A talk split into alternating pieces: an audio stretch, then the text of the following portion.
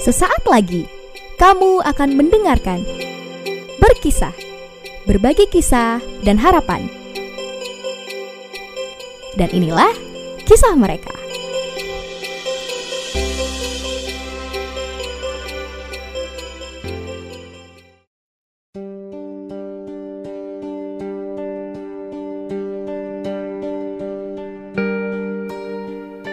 Kehidupan setiap insan memang sudah diatur sebaik dan serapi mungkin. Seperti halnya dengan kehidupan yang kujalani saat ini.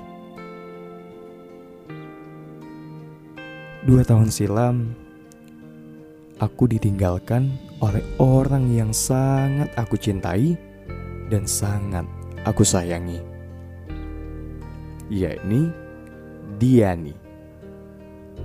Diani si gadis manis yang memiliki lesung pipi di sebelah kanannya. Lucu dan sangat perhatian. Oh iya, perkenalkan. Namaku Sandi. Seorang mahasiswa di salah satu universitas di Riau. Kenapa aku mengatakan bahwa Diani adalah seorang gadis lucu dan perhatian?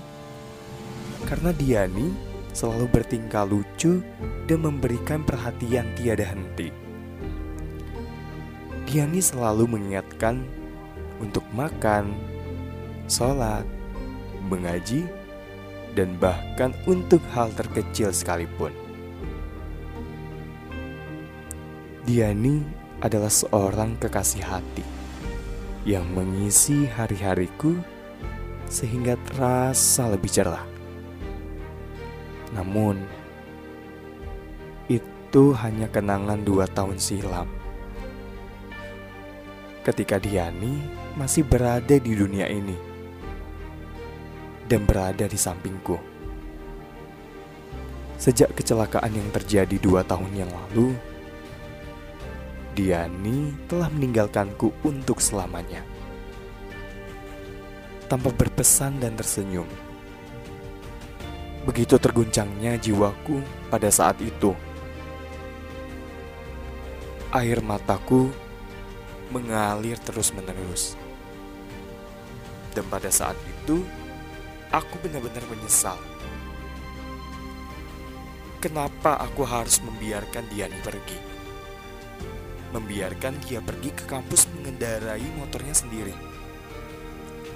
Jika saja waktu itu aku mengantarkannya Mungkin hal ini tidak akan terjadi. Aku terus saja menyalahkan diriku sendiri. Ibuku selalu menyemangatiku. Ia selalu menggenggam tanganku saat aku rapuh. Setiap minggu, ibuku selalu menemaniku ke pemakaman Diani. Sungguh, Kakiku terasa lemas ketika berada di pemakaman orang yang sangat kucintai. Sayang, aku rindu dan benar-benar rindu. Diriku sembari memandangi foto Dian. Meski waktu berlalu tanpa sedikit pun melihat kerapuhanku, aku tetap bertahan dengan rasa cinta yang tiada sirna. Sudah dua tahun kamu hidup di dalam tekanan dan kerapuhan. Kapan kamu akan bangkit? Ibuku selalu bertanya kepadaku seperti itu. Aku mencintainya, Bu aku tidak bisa memaafkan diriku ini. Jika waktu itu aku mengantarinya, pasti ini tidak akan pernah terjadi. Gumamku lirih sambil menghapus air mata yang terus menetes di pipiku. Ibuku selalu menjawab, "Iya." Tapi kamu harus bangkit dari hal ini. Kamu harus kuat. Kamu harus bisa melawan keterpurukanmu. Dan ya, aku pun hanya diam seribu bahasa. Selang beberapa menit, ibuku pergi meninggalkanku. Dan kini, aku kembali berteman dengan sepi.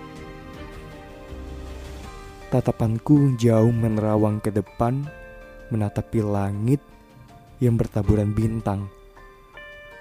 Hembusan angin menyentuh permukaan kulit dan hatiku. Angin yang berhembus dengan syahdu, tolong sampaikanlah rinduku pada Diani yang begitu kucintai di surga sana.